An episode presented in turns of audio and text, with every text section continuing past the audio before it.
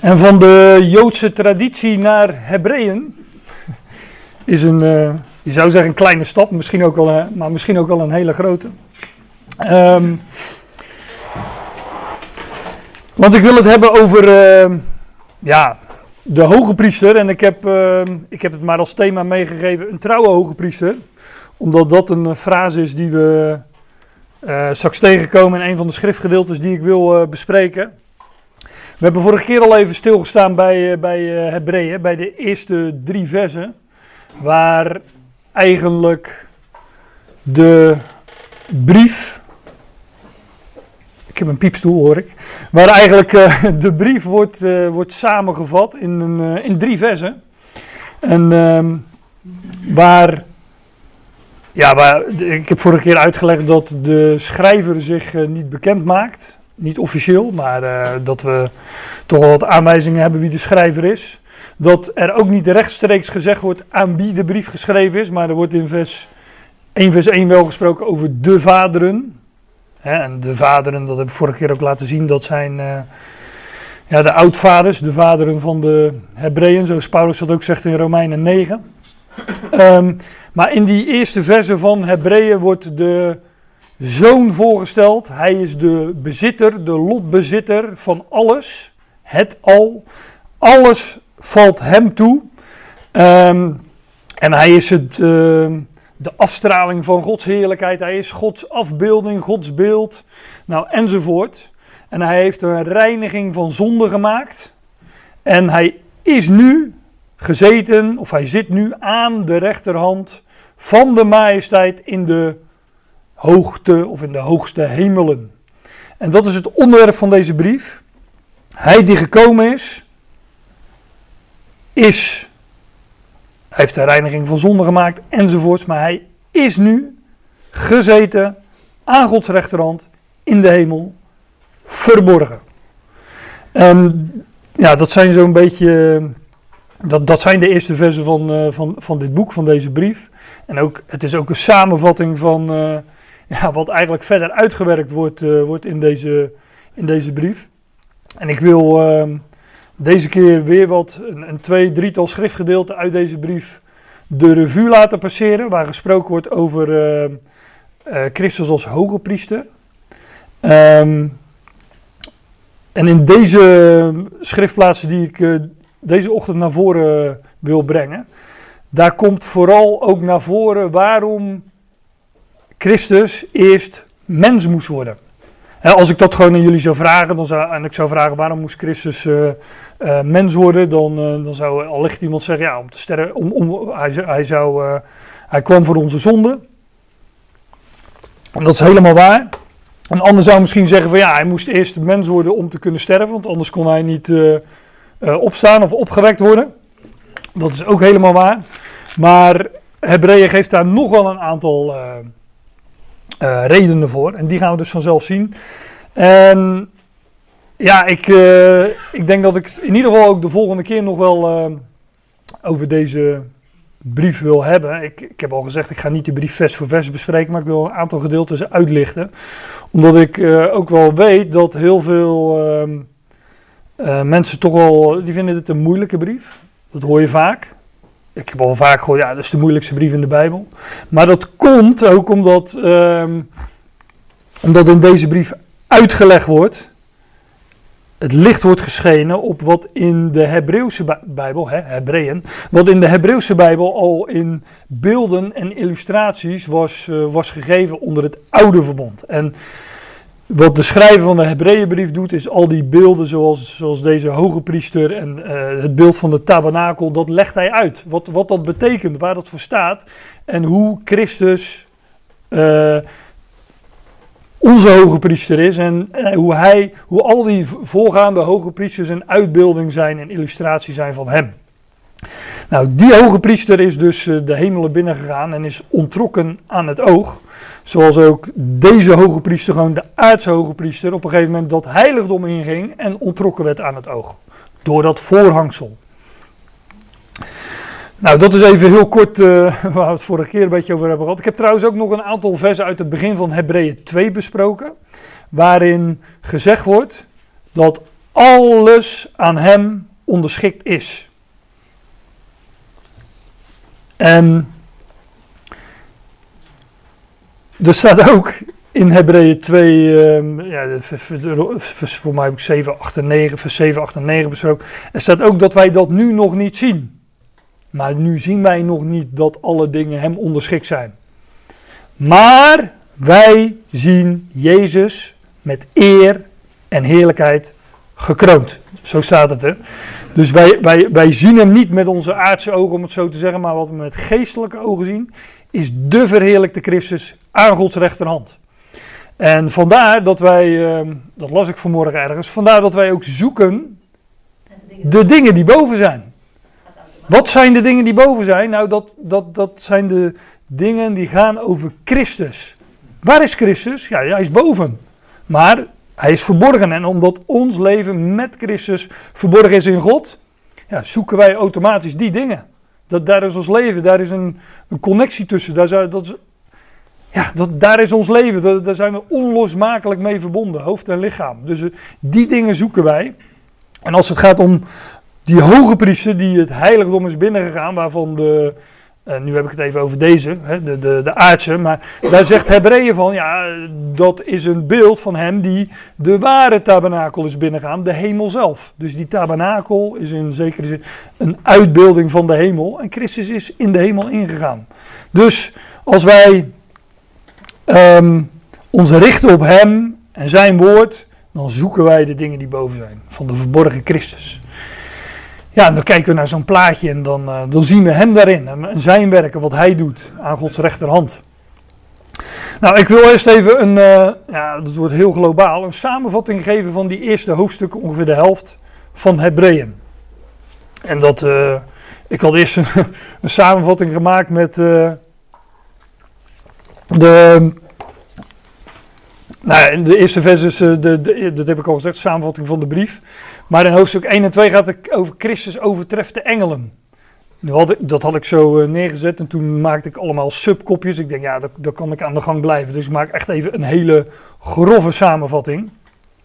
Maar Christus overtreft de engelen. En uh, vorige keer zei ik al dat de wet aan het volk Israël gegeven is door bemiddeling, door, in de Statenvertaling staat geloof ik bestelling, beschikking van engelen.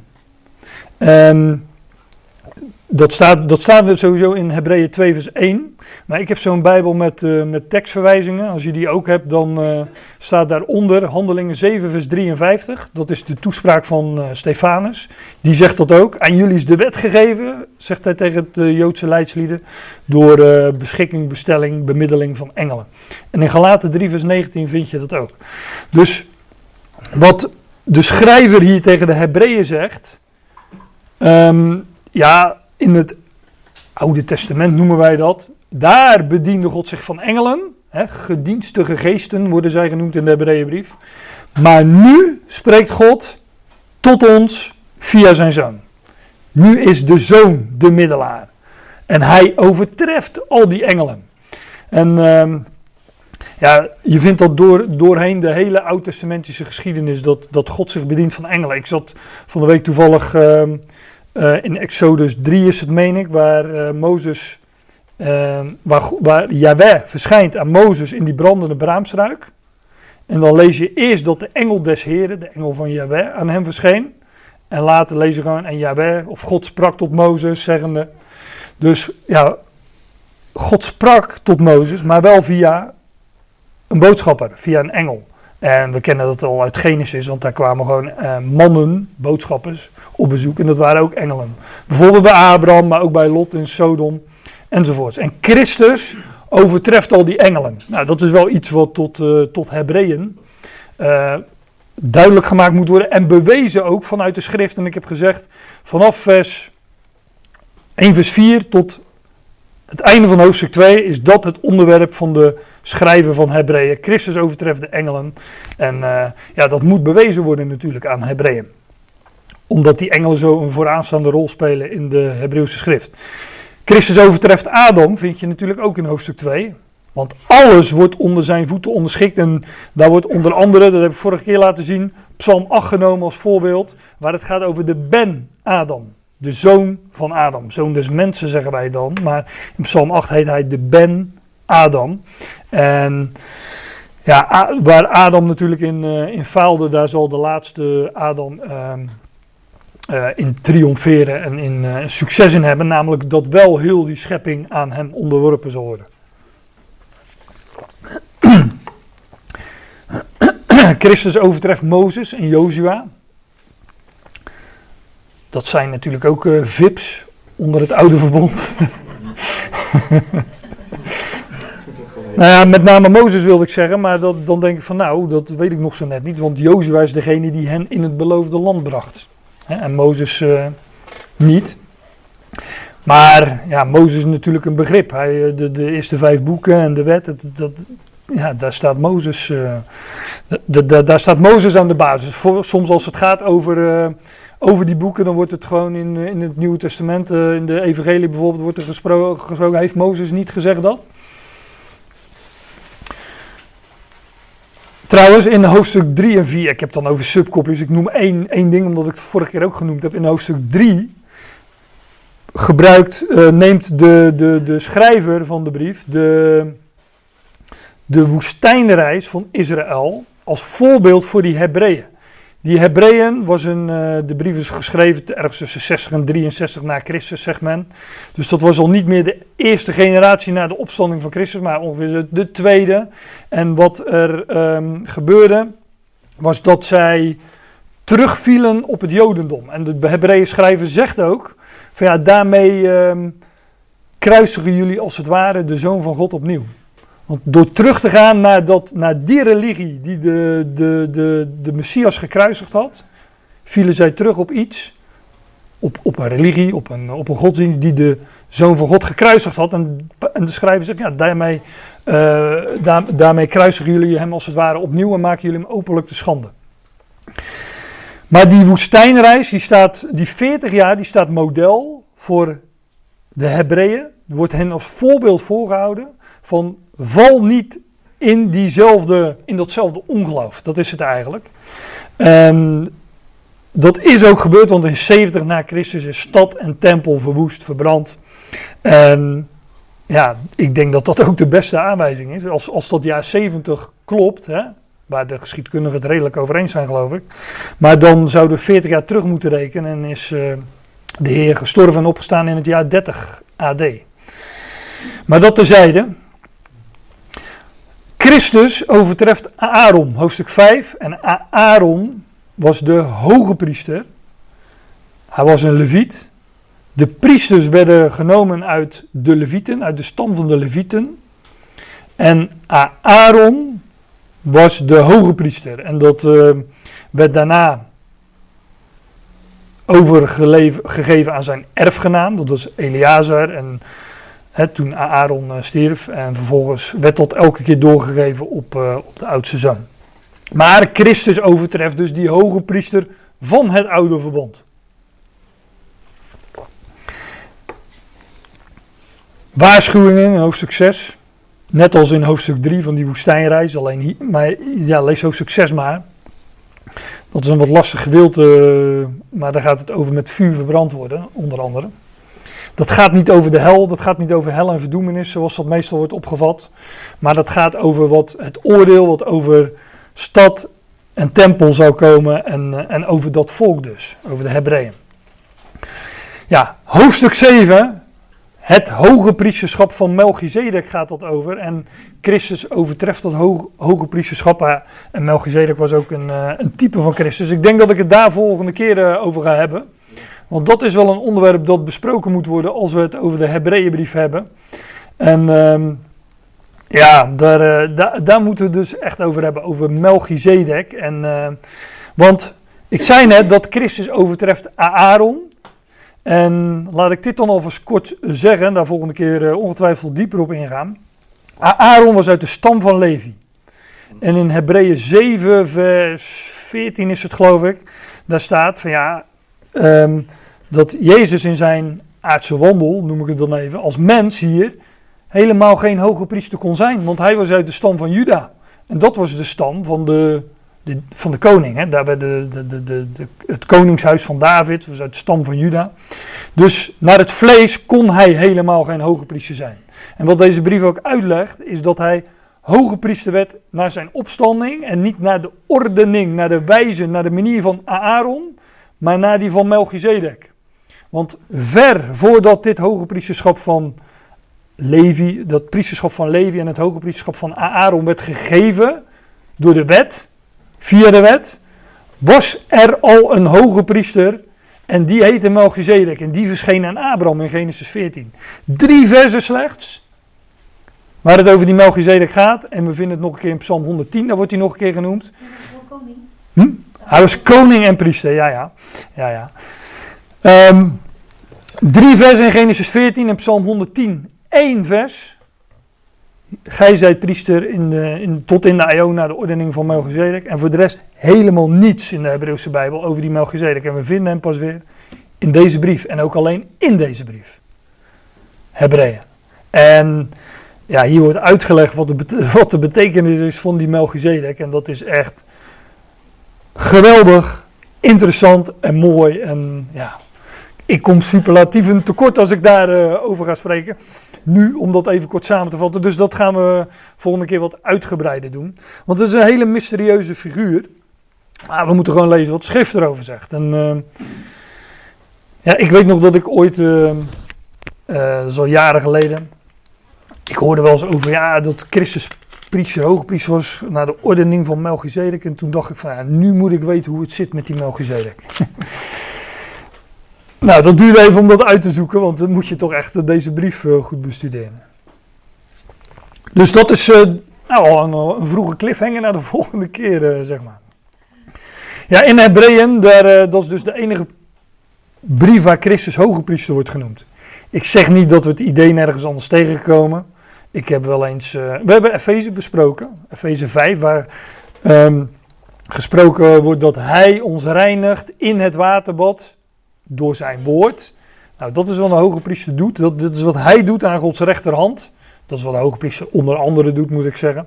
Hij reinigt ons. En hij uh, behartigt onze belangen, om het zo te zeggen. En ook nog een leuke, ik had even in de interlineair gekeken hoe vaak komt dat begrip nou voor. Nou, dat is 17 keer. Gaat er een belletje rinkelen bij iemand bij het getal 17? Niet? Wanneer stond de Heer op? Op welke datum? 17 Nissan. En dat heeft dus alles met opstanding te maken. Dat zei ik dus net. Hij is hoge priester naar, uh, naar, de, naar de, dat zegt Hebreeën ook, naar de kracht van onvernietigbaar leven. Dus hij was, hij was geen hoge priester in zijn, uh, als mens, maar dat werd hij in zijn opstanding. En dat begrip komt 17 keer voor. En uh, 17 Nissan. Maar je kan er ook gewoon de 1 en de 7 optellen. Dan heb je 8 en dat spreekt ook van een, uh, een nieuwe serie. Ja, ik wil naar uh, Hebreeën 2. Daar was ik vorige keer ook al even. Een paar versen verder nu. Um, in vers 14 haak ik aan. Is een beetje midden in het gedeelte dan. Daar staat, omdat dan de kinderen aan vlees en bloed deel hebben genomen. En um, ja, welk kind niet, denk ik dan, maar hier gaat het specifiek over uh, de kinderen Israëls. Nou, nog specifieker over de kinderen van Jezaja. Ik ga dat niet opzoeken, want dat, uh, dat, dat voert echt even te ver voor nu. Maar Jezaja had twee kinderen met hele moeilijke namen. En die ene heeft iets met een overblijfsel te maken en die andere met, uh, met, met ballingschap. Mahar Schijl of zo heet die ene en die andere die... nou ga er maar aan staan, Jezaja... Oh. Jezaja vers 13, nou dat gaat hem niet worden natuurlijk. Jezaja 8 is dat. Zij staan typologisch voor Israël, maar dat uh, mag je zelf uh, even nakijken, maar dat, uh, dat ligt er wel heel dik bovenop. Omdat dat de kinderen aan vlees en bloed deel hebben genomen, had ook hij op nagenoeg gelijke wijze deel aan dezelfde dingen. Waarom werd de Heer mens? Nou, om op nagenoeg gelijke wijze deel te hebben aan dezelfde dingen, namelijk aan vlees en bloed. En om te kunnen sterven, want dat staat in het, eh, in het volgende zinsdeel. Opdat hij door de dood heen, dit woord dia, zo krijg ik een stijve nek. Dit woord, oh, dat gaat ook al niet. Dit woord dia, dat, is, uh, dat betekent doorheen. Hè? Niet door middel van, maar door. Hij ging in de dood, erin, maar ook eruit. Er doorheen. Opdat hij door de dood heen, ja, dat zei ik dus, hem die de kracht heeft van de dood. Dit is de ja, diabolos, de verdachtmaker, de duivel uh, is het meestal vertaald, zal te niet doen. De diabolos is ja, ook, nou, de doorheen, dia, bolos, gooier of werper. Dus hij gooit de dingen door elkaar en daarmee maakt hij de boel dus verdacht. En uh, vandaar dat hij ook uh, theologische ambities heeft. Maar dat weten we al vanuit, vanuit het boek Genesis. hij gebruikt daar de theologie voor. Ja, dat, heeft God niet gezegd dat? Of wat dacht je van de verzoeking in de woestijn? Als hij tot de Heer spreekt. Spring van dit dak af, want er staat geschreven. Ja. Opdat hij door de dood heen, degene hem die de kracht heeft van de dood. En als je nu een vertaling hebt, een MBG-vertaling, staat er de kracht, de macht heeft over de dood. Nou, dat heeft, dat heeft hij dus niet. Want degene die de macht heeft over de dood, die is in staat om levend te maken. En wat, wat hier gezegd wordt, is dat hij de kracht, de macht heeft van de dood. En dat betekent dat hij kan doden. Een mens, hij is de mensenmoorder of mensenmoordenaar van de beginnen, zegt Johannes. En Christus ging de dood in, nee, er doorheen, opdat hij hem die de kracht heeft van de dood, de duivel, de verdachtmaker, de diabolos, zal teniet doen. Juist waar de Satan dacht macht en kracht te hebben, juist daar werd hij verslagen.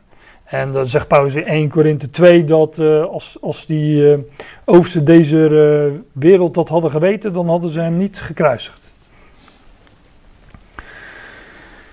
Dus hij heeft de kracht van de dood en de Heer werd mens om, en werd vlees en bloed gelijk, opdat hij door de dood heen, hem die de kracht, de macht heeft van de dood, de diabolos, om hem te niet te doen, om hem buiten werking te stellen of af te danken, zoals de uh, uh, interlineair hier zegt.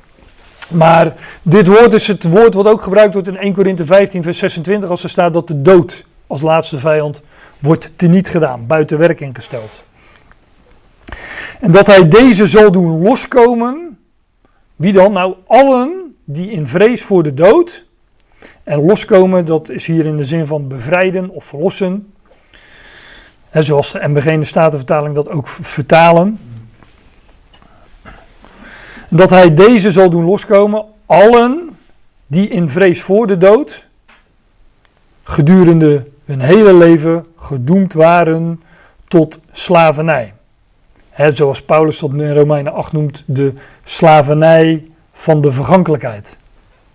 En ja, wij zijn, nou, uh, wij zijn nu eenmaal in, uh, in onze, door vlees en bloed, om het zo te zeggen, um, zijn wij uh, gedoemd tot, tot slavernij aan, aan, aan, aan de vergankelijkheid. We zijn sterfelijk en, en we gaan dood.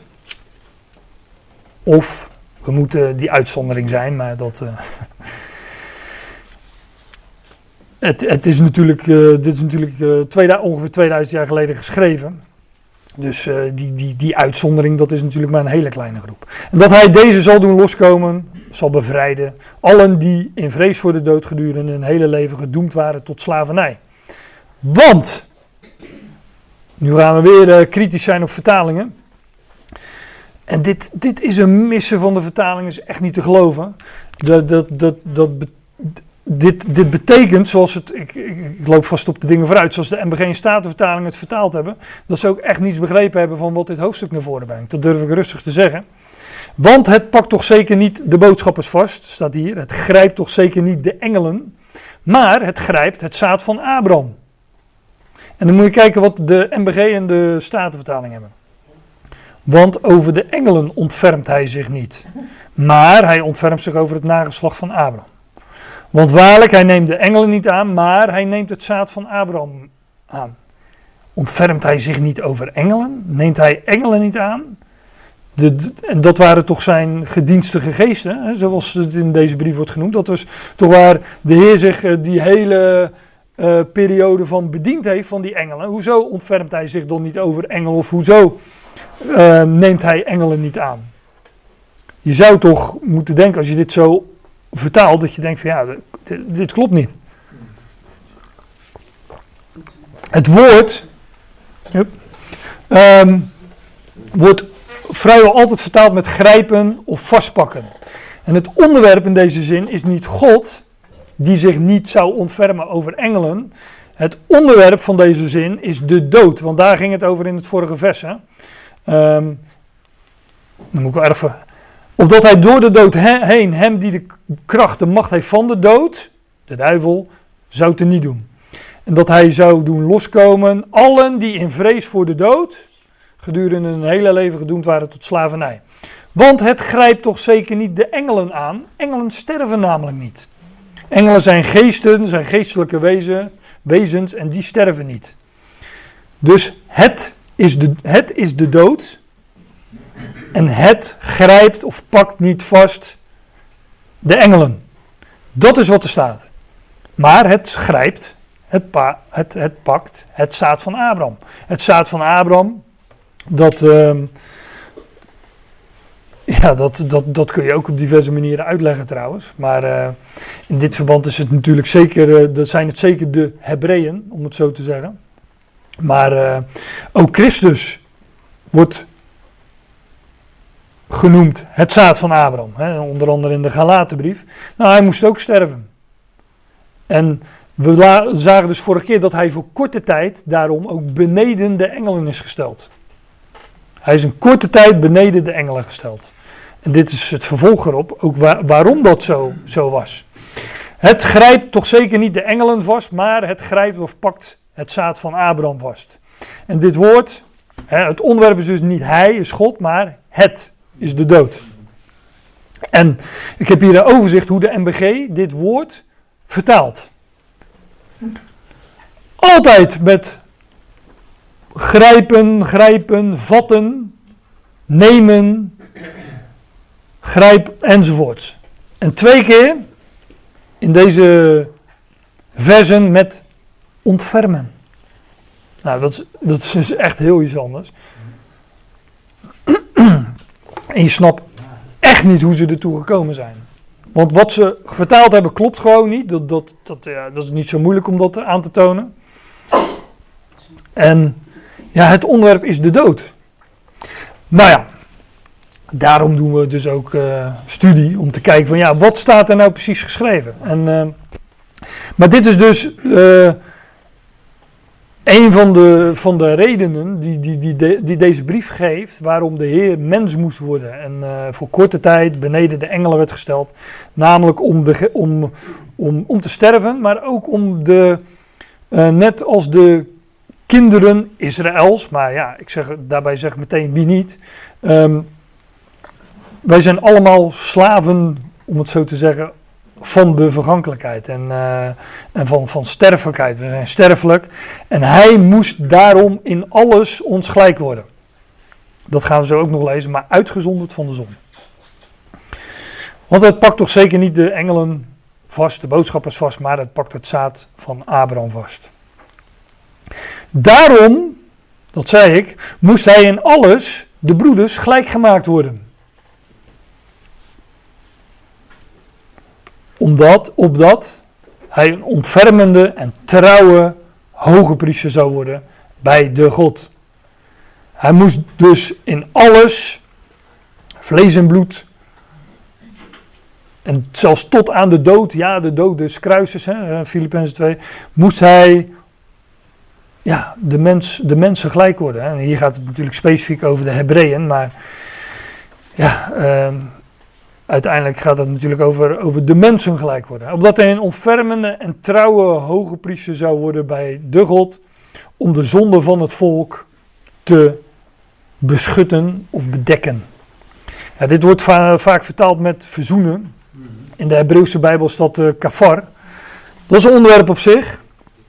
Um, maar dit, ja, dit, dit woord, uh, wat meestal vertaald wordt met verzoenen, maar wat dit, dit Griekse woord uh, hilas, hilas, hilasmos, dat, dat heeft alles te maken met, uh, dat is echt het equi equivalent, hè, van het Griekse equivalent van het Hebreeuwse kafar, om het zo te zeggen. En dat betekent bedekken of beschutten.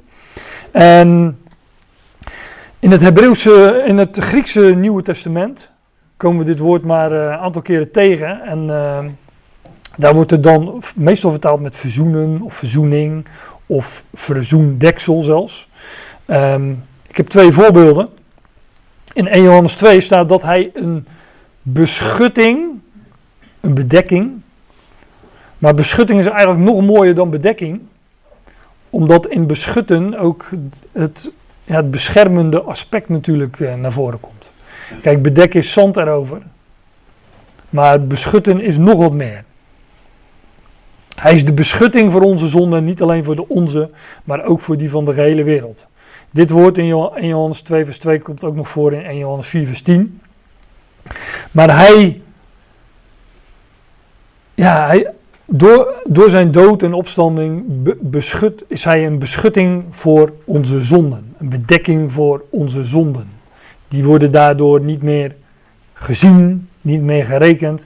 En het is niet zo, dat zeg ik even in een eh, voetnoot, dat God, ja, hoe zeg je dat, dat, dat God boos was en dat iemand de straf moest dragen en dat Christus dat was, dat hij de straf gedragen heeft op onze zonde en dat God ons nu niet meer hoeft te straffen. Dat is wel algemeen uh, aanvaard, aanvaarde theologie. Maar dat is niet wat schrift leert. Hij is een beschutting, een bedekking voor onze zonde. Niet alleen voor de onze, maar ook voor die van de hele wereld. Ja, in Romeinen 3, daar wordt, uh, vinden we dit woord beschut, beschutplaats. Want alle zondigen, laat ik het eerst even lezen. Alle zondigen hebben tekort aan de heerlijkheid van God. En worden om niet gerechtvaardigd in zijn genade. Door de verlossing die in Christus Jezus is. Ik lees het gewoon, want ik neem aan dat de meesten deze woorden wel uh, zullen kennen. Dus allen zondigden, allen hebben tekort aan de heerlijkheid van God. Allen worden om niet gerechtvaardigd in zijn genade door de verlossing die in Christus Jezus is. God nam zich voor dat hij de beschutplaats is door het geloof in zijn bloed. En dit woord, die beschutplaats, dat komt nog één keer voor in Hebreeën. En daar is het ja, wat men noemt het verzoendeksel. Maar dat is dan ook niet helemaal de juiste term natuurlijk. Dat zou meer de beschutplaats of voor mij de beschutdeksel moeten zijn. Maar daar wordt uitleg gegeven over de ark van het verbond, waar een deksel op lag van puur goud. En op dat deksel stonden gerubs. En daar wordt uitleg gegeven, daarboven waren de gerubs van de heerlijkheid, die de beschutplaats, verzoendeksel, overschaduwen. Hij zegt, ja, hierover kunnen wij nu niet in bijzonderheden treden. Dus daar is wel veel over te zeggen. Maar dit is dus hetzelfde woord.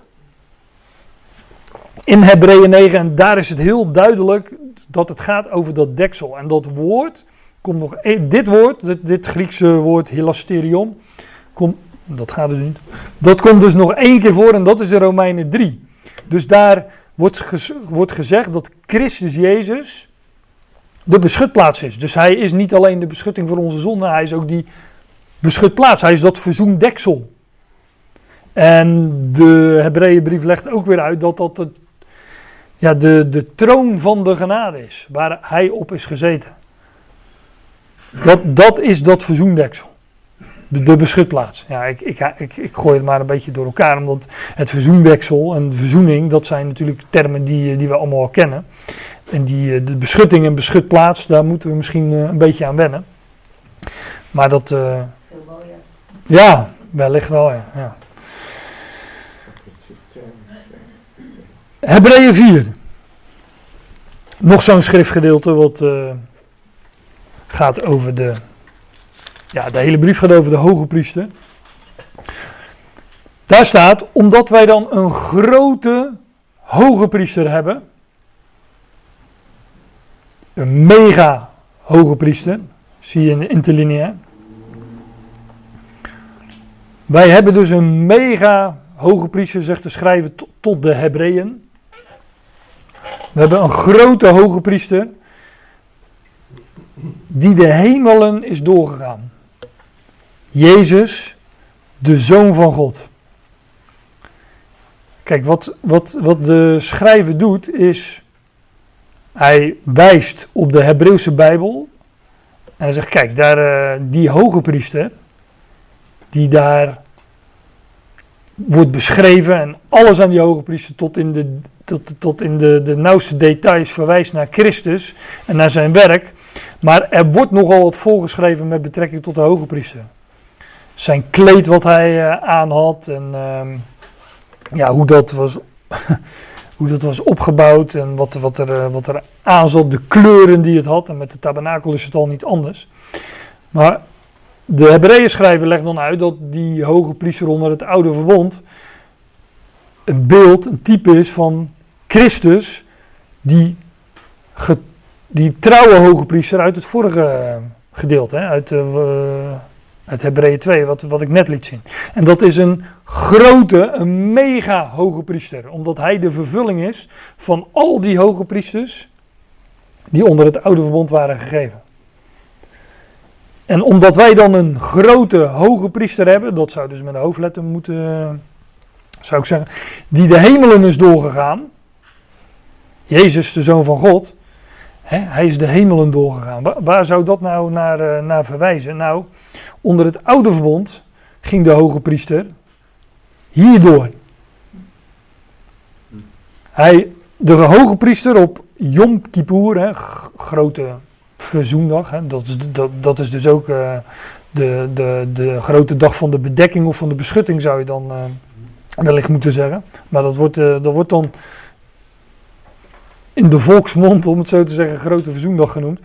Maar op grote verzoendag ging dus de, laat ik het dan maar even zo noemen, ging die hoge priester in tot in dat binnenste heiligdom, waar het pijltje eindigt, zeg maar. En daar stond de ark van het verbond, het allerheiligste vertrek sowieso, het heilige der heiligen. Maar ook het allerheiligste attribuut van deze hele tabernakel. En die speelt nogal een rol ook in de geschiedenis van Israël. Maar laat ik het eh, bij dit, uh, dit plaatje houden. Die hoge priester ging dus op Grote Verzoendag de heiligdommen binnen. Maar wat stond hier? Hij, omdat, omdat wij dan een grote, een mega hoge priester hebben, die de hemelen is doorgegaan. Jezus, de Zoon van God, laten wij aan de beleidenis vasthouden. Dus onze hoge priester, die ging het ware heiligdom, de hemelen zelf, Hebreeën 9 vers 24 is dat, en dat wordt een paar, meerdere keren gezegd, dat heiligdom hier op aarde was dus een beeld van de hemelen. En, laat ik het dan even heel snel zeggen, het brandofferaltaar, de weg die de priester ging, het brandofferaltaar, hij, hij stierf en stond op. Daar is dat brandofferaltaar een uitbeelding van. Een, een, een offer die werd geslacht naast het altaar of op een slagbank. Een uitbeelding van het kruis, daar vloeide het bloed. En het werd verhoogd, het brandofferaltaar was 3 L hoog. Dus op de derde werd het verhoogd. En dat offer, want het werkelijke offer is de lieflijke reuk die opstijgt voor de Heer, de, den Heer of voor Jaweh. Dat offer, dat is een beeld van de opstanding. En voor mij het ook van, ja, van zijn hemelvaart, hè, van, uh, dat hij ging zitten aan Gods rechterhand. Maar hij stierf en stond op. Dat wordt uitgebeeld in het brandofferaltaar. Daarna kwam hij langs het koperen wasvat een reiniging van zonden makend. Dat hebben we vorige keer besproken, 1 vers 3. Want de, de priesters onder het oude verbond, uh, die moesten zich reinigen omdat, uh, om achter dat voorhangsel binnen te gaan. Nou, hij heeft een reiniging van zonde, nee, gemaakt, wil ik nu zeggen. Nee, het staat er zo, een reiniging van zonde makend. Tijdloos feit, want hij reinigt ons nu nog steeds. Daarna ging hij achter het voorhangsel en werd dus verborgen. Het volk zag hem ook niet meer. En dat is een beeld van Christus die, ja, hij ging de hemelen door, lazen we net. Dus uh, er zijn meerdere hemelen, dat is ook een onderwerp op zich natuurlijk. En hij ging door beide heiligdommen, hij is de hemelen doorgegaan. Ja, dan zou ik nog wat kunnen vertellen over, over die, uh, die kandelaar, de tafel, de toonbroden en het reukelveraltaar. Maar dat gaan we nu niet doen. Want ook daar uh, is veel over te zeggen. Maar ja, de Hebreeën schrijven zeggen van welke wij stuk, van stuk tot stuk nu ook niet zullen spreken. Dus dat doen wij nu ook maar niet. En hij kwam tot de ark van het verbond. En ik zei net al, dat is een uitbeelding van de troon van God waar Christus, de opgewekte, is gezeten. En dat, dat, wordt in deze brief dan ook de troon der genade, de troon van de genade, de genadetroon genoemd. Want hij is daar gezeten en uh, hij is verborgen voor het oog, maar ja, we, we, leven ook in een huishouding, zo noemt Paulus dat dan weer, een huishouding van genade. Hij is daar gezeten. En uh, omdat wij dan een grote hoge priester hebben die de hemel is doorgegaan, eens een zinnetje wat een betekenis daarin in schuilt. Jezus, de Zoon van God, laten wij aan de beleidenis vasthouden. En dat was wat de Hebreeën juist niet deden. En ja, daar worden ze voor gewaarschuwd en uh, er zou een oordeel komen over uh, dat waar zij op terugvielen, hè, op, uh, op het oude verbond. Op, op een stad en tempel zouden verwoest worden. Laten wij aan de beleidenis vasthouden. Die beleidenis is natuurlijk de beleidenis van de schriften, maar in het bijzonder van deze brief aangaande de zoon. Nou, daar hebben we het vorige keer over gehad. Wie is die zoon? Nou, dat is degene die een reiniging van zonde maakt en is gezeten aan. Um, is gezeten uh, aan de rechterhand van de hoogste. Nee, en de rechterhand van de majesteit in de hoogste. En de Statenvertaling heeft daar hemelen toegevoegd. Maar dat is natuurlijk ook het idee. Hij is gezet aan Gods rechterhand in de hemel. En laten we aan die beleidenis vasthouden. Dat is wat uh, de schrijver zegt. En dan, uh, ja, en natuurlijk alles wat hier in deze brief gezegd wordt. Dat, ook dat hij een, de bezitter is, het erfgenaam, zegt de Statenvertaling, van alles. Maar dat zien wij nu nog niet. Nou, daar hebben we het vorige keer over gehad. Maar laten wij aan die beleidenis vasthouden en niet, zegt de schrijver tot Hebreeën, terugvallen op, uh, op, uh, op, op, een, op een godsdienst, op een religie die de Zoon van God gekruisigd heeft. Want daarmee kruisigen zij als het ware de, de Zoon opnieuw. Laten wij aan de beleidenis vasthouden. Want wij hebben geen hoge priester die niet met onze zwakheden kan meevoelen. We lazen net toch in Hebreeën 2 dat hij, ons, dat hij de kinderen in alles gelijk moest worden. Hè? De kinderen, zoals de kinderen aan vlees en bloed deel hebben, moest hij ook aan hen op nagenoeg gelijke wijze hen in alles gelijk worden. Nou, want wij hebben geen hoge priester die niet met onze zwakheden kan meevoelen. Dat is wel leuk trouwens, dit woord. Uh, ik zit heel aan de verkeerde kant.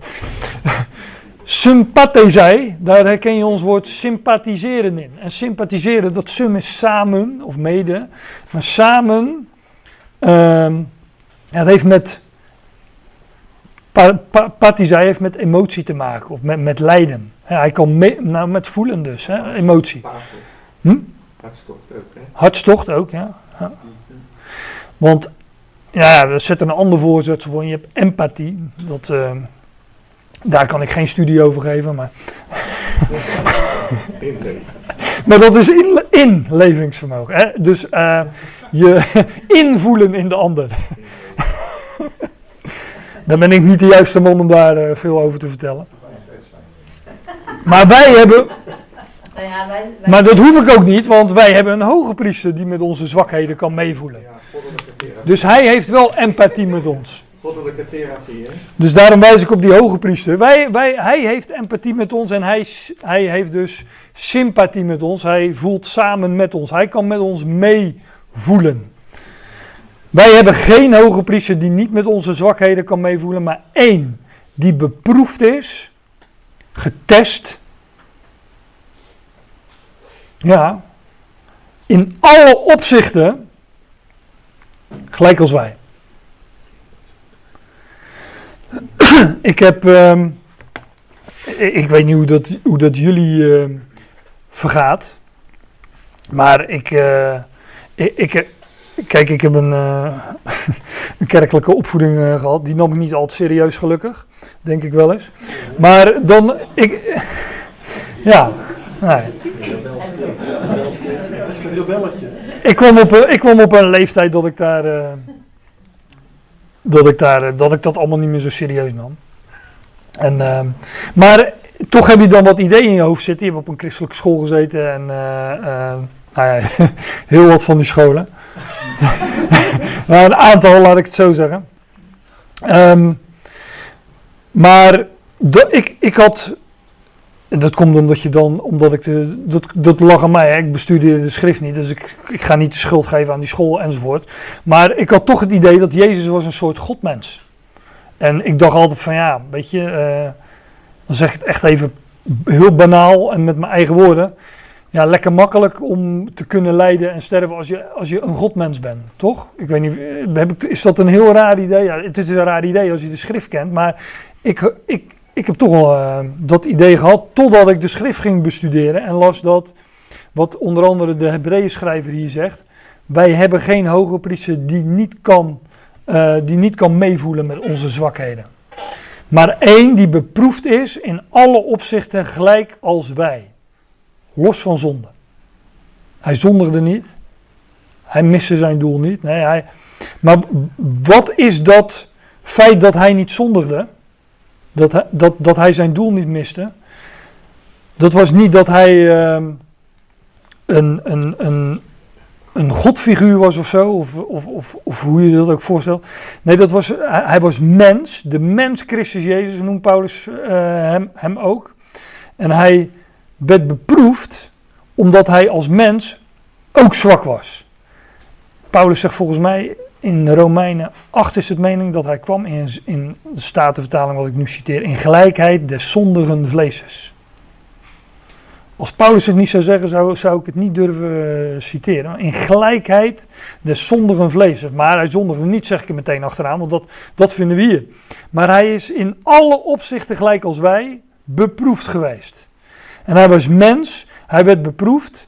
En als hij daar niet gevoelig voor was geweest, dan was het ook geen beproeving geweest. Dus hij, hij, was, ja, was in die zin ook zwak van zichzelf, mens.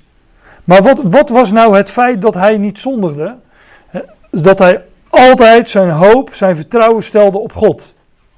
En daarin was hij sterk. Het geloof van Jezus Christus. Zoals we dat in de brieven van Paulus zeven keer vinden. Hij leefde niet uit eigen kracht. Want hij was in alle opzichten gelijk als wij. En dus ook, hij kwam in, in, gelijkheid van zondige vleesers. En hij kan met onze zwakheden meevoelen, omdat hij als mens zelf ook zwak was. Maar hij leefde niet uit zijn eigen kracht, maar hij leefde uit er staat geschreven. Ik heb, um, ik heb deze week, ik, ik haalde net volgens mij al even aan, de verzoeking in de woestijn, in Matthäus 4 vind je die onder andere, waar de Heer verzocht werd door de diabolos. En ja, als, het, als hij daar niet gevoelig was voor was geweest, als hij ook niet zwak van zichzelf was geweest, was dat ook geen beproeving of verzoeking geweest. Maar wat zei hij elke keer? Er staat geschreven. Dus hij zocht die kracht ook niet bij zichzelf. Hij zocht die kracht bij zijn God en Vader. En een ander voorbeeld in Gethsemane. Daar, um, ja, daar, daar, daar lees je ook dat hij, uh, hij, zweette, hij zweette bloed. En dat, hij angstig was. Want hij wist de weg die hij moest gaan. Hij wist dat hij een, een, een vreselijk lijden te wachten stond. En dat hij zou sterven. En het was niet zo dat het hem dat helemaal niets deed. Dat deed hem juist heel, heel veel. En ja, hij werd daar echt beproefd. En hij zei, als het kan vader, laat deze drinkbeker aan mij voorbij gaan. Maar, niet mijn wil geschieden, maar de uwe. Zei hij er meteen achteraan. Dus hij is, hij is geen hoge priester die niet kan meevoelen met onze zwakheden. Ben je zwak? Ja, dat zijn we allemaal toch? Ja, hij, hij is ook, hij kan meevoelen met ons, want hij heeft, is die weg zelf gegaan. En hij is in beproefd geweest in alle opzichten, gelijk als wij, los van zonde. Want hij zag op zijn vader, hij vertrouwde op zijn vader, hij zocht zijn kracht niet bij zichzelf, maar altijd bij God de Vader. En dat is ook het voorbeeld wat hij ons gesteld heeft. En daarom zegt deze Hebreeënbrief ook, Hebreeën 12, daarom heeft hij het kruis gedragen en de schande veracht. Om de vreugde die hem voorgesteld was. Hij wist uit de schriften, had hij, hij was mens, hè? hij werd ook niet uh, geboren met uh, de, de hele Tanach in zijn hoofd. Dat heeft hij allemaal moeten leren. Hij heeft moeten leren wie hij was en hij heeft uit de schrift verstaan wie hij was. En hij wist dus ook welke weg hij moest gaan, maar hij wist ook dat God hem uit de dood zou opwekken. En zoals in deze brief naar voren wordt gebracht. En dat wist hij onder andere natuurlijk uit dat, dat beeld van de hoge priester en de tabernakel. Hij wist dat God hem zou opwekken en zou zetten aan zijn rechterhand, de hoogste positie zou krijgen. En dat hij de Ben Adam zou zijn en alles aan zijn voeten onderworpen zou worden. Dat was de vreugde die hem voorgesteld was. En daarom heeft hij het kruis verdragen en de schande vracht, zoals Hebreeën 12 zegt. Dus wij hebben geen hoge priester die niet met onze zwakheden kan meevoelen, maar een die beproefd is in alle opzichten gelijk als wij, los van zonde. Ja, Hebreeën 5, daar wordt dat ook naar voren gebracht. Tijdens zijn dagen in het vlees heeft hij, en dit zal ongetwijfeld ook verwijzen naar Gethsemane. Tijdens zijn dagen in het vlees heeft hij gebeden en smekingen onder sterk geroep, een tranen geofferd, aangeboden aan hem, die hem uit de dood kon redden. En hij is verhoord. ja, hij is verhoord uit zijn angst. Angst heb je niet hè, als je niet beproefd wordt, nogmaals. Die ook al is de, ook al is hij de zoon, gehoorzaamheid leerde door wat hij leed. Hij heeft gehoorzaamheid geleerd, gehoor geven aan Gods woord door wat hij leed. Daarom zeg ik, in deze, deze brief werpt veel licht op waarom moest de Heer mens worden.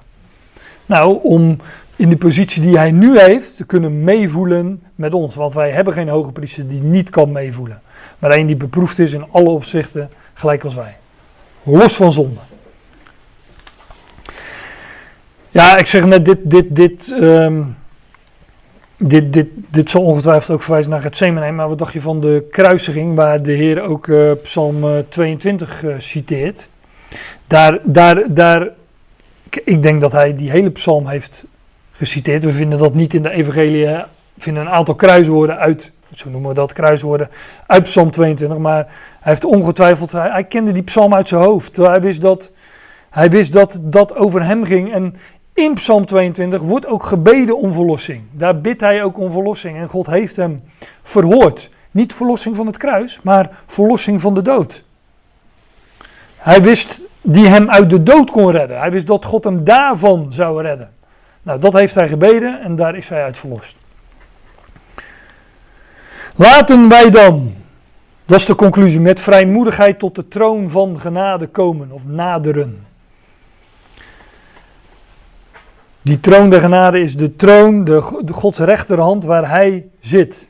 Waar hij is gezeten, de troon van genade. Hij zit daar in genade, hij reinigt ons, hij is de hoge priester, hij is de middelaar enzovoorts. Laten wij dan met, met vrijmoedigheid tot die troon komen. Overigens, ik had net dat plaatje met die tabernakel, met die pijl, eh, pijl er doorheen. Ehm, het was voor iedereen ten strengste verboden om op die plek te komen. Slechts eenmaal per jaar mocht één iemand, de hoge priester, daar komen voor die troon der genade of voor het verzoendeksel of de beschutplaats. Dat was onder strikte voorwaarden, die allemaal natuurlijk een, uh, weer illustreren het werk van Christus. Maar dat was onder strikte voorwaarden slechts voor één iemand weggelegd. En de schrijver van de Hebreeënbrief zegt gewoon: laten wij dan met vrijmoedigheid tot die plek naderen. En dat is de troon van God. dat uh, vind je in het Oude Testament. Jabber van de, Jabber, de Heer der Heerscharen. Jabber van legermachtig God van Israël. Die tussen de Gerubs woont. Dat is een, ook een uitbeelding van de woonplaats van God. Maar had ik dat? Nee, dat heb ik niet. Um, in Hebreeën, dat lees ik dan even alleen. Dat, dat, moeten jullie maar eens opzoeken. Ik dacht dat Hebreeën 10 was. Hebreeën 10 vers 19. Nou, zal ik dat gewoon even opzoeken in de interlineair. Want dat, dat, is, ook dat is een... Uh, die hebben we niet voor niets, hè.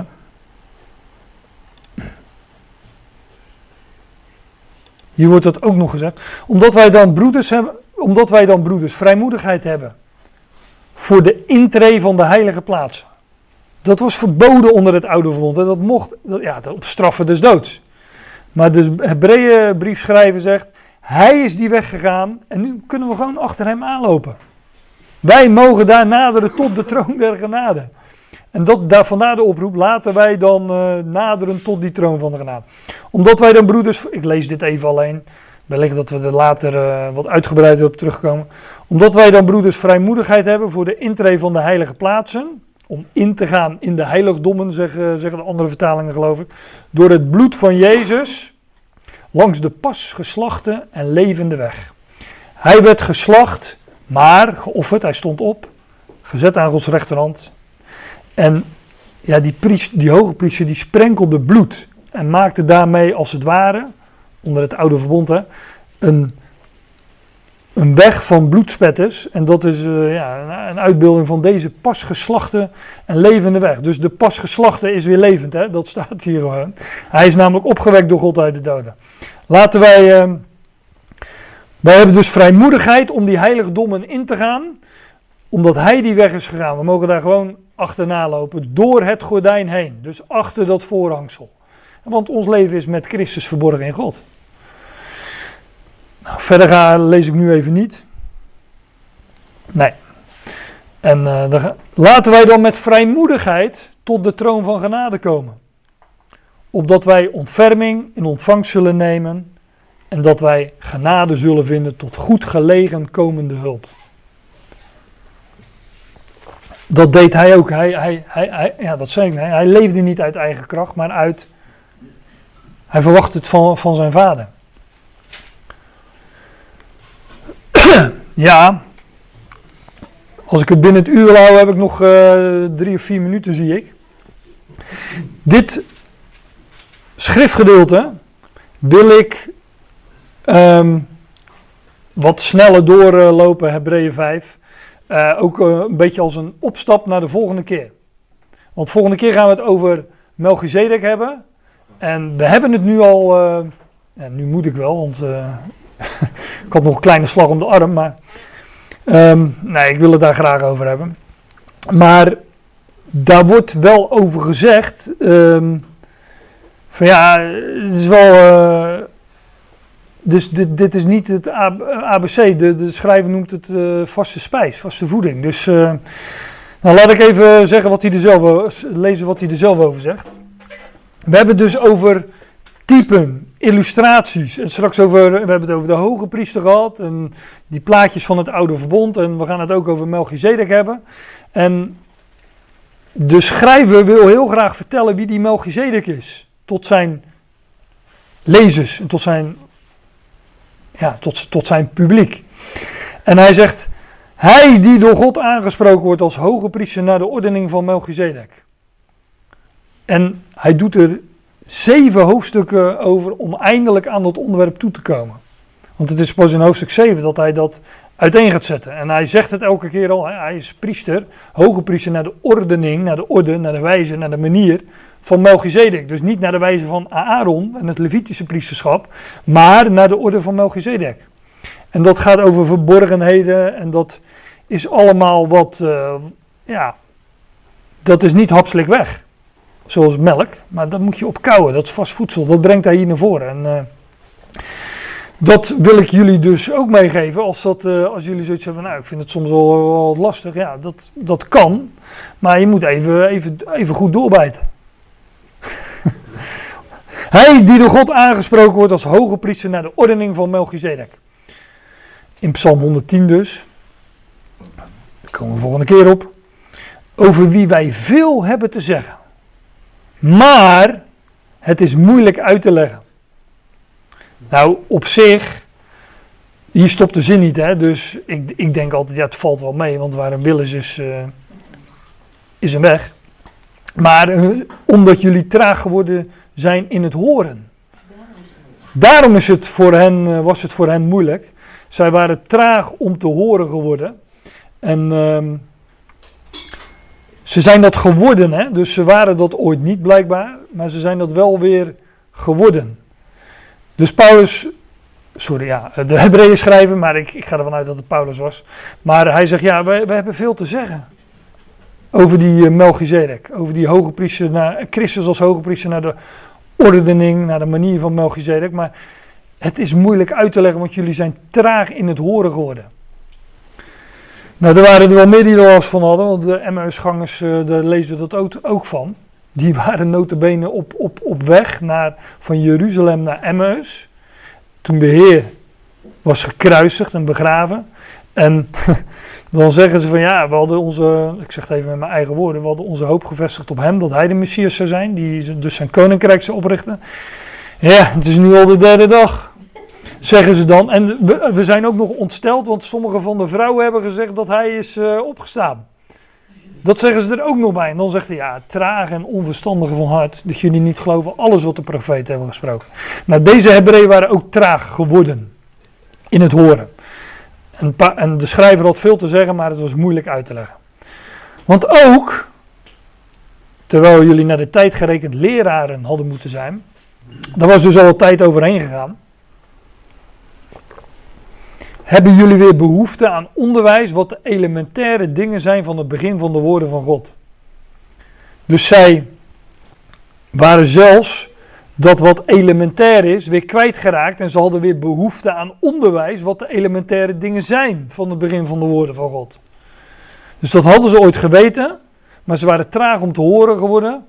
En de schrijver zegt van ja, eigenlijk is dit een, zou dit een gepasseerd station moeten zijn. Jullie zouden zelf moeten kunnen onderwijzen. Naar de tijd gerekend hadden jullie leraren moeten zijn. Maar nu kan ik jullie niet dit leren, maar ik moet weer terug naar dat.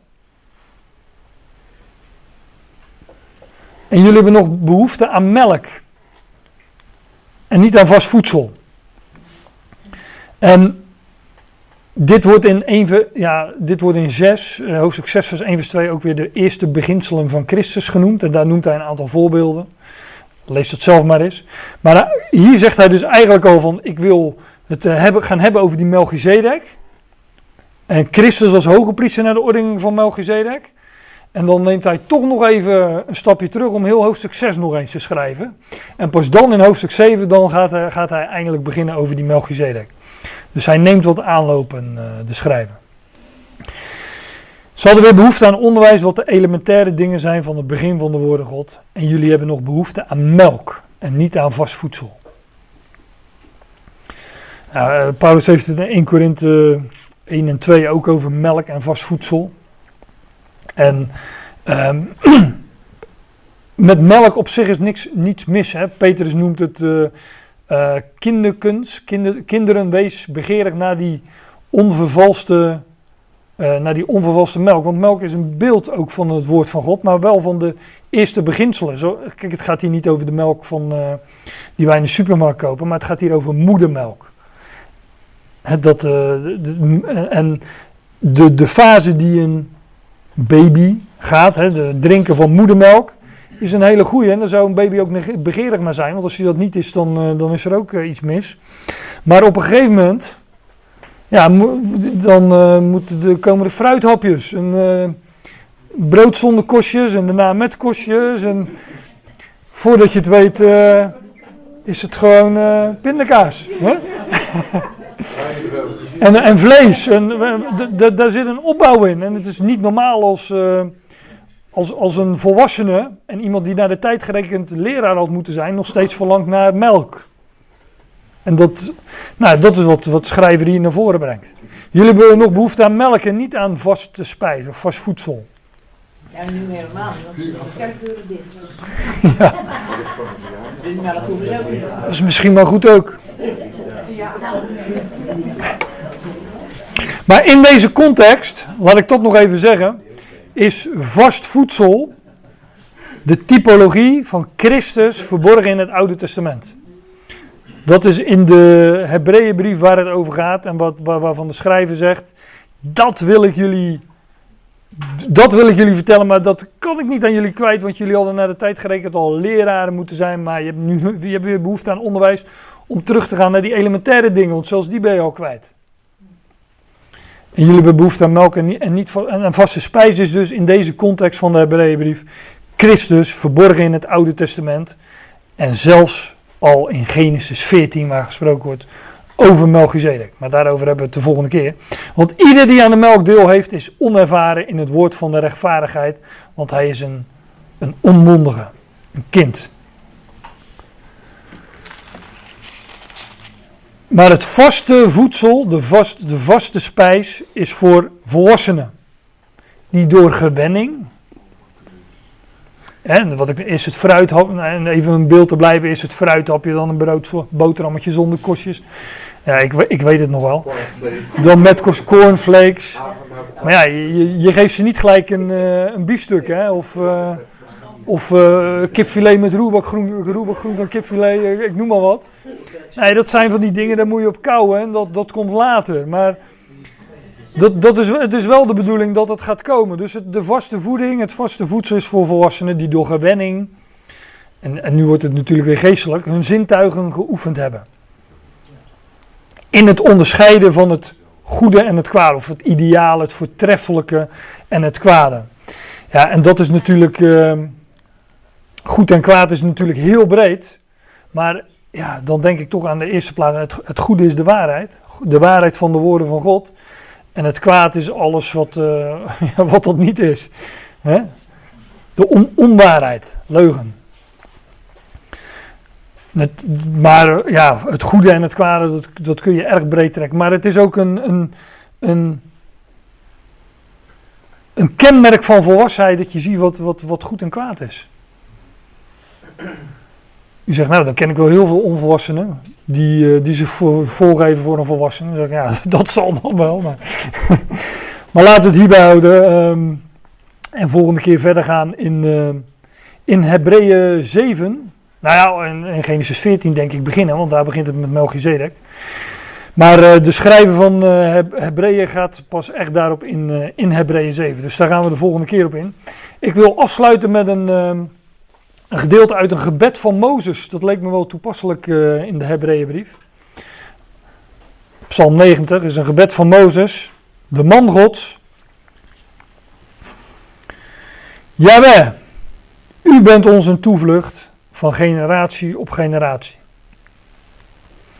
Al voor de bergen geboren waren en u de aarde en de wereld voortgebracht had, ja, van Olaam tot Olaam bent u God.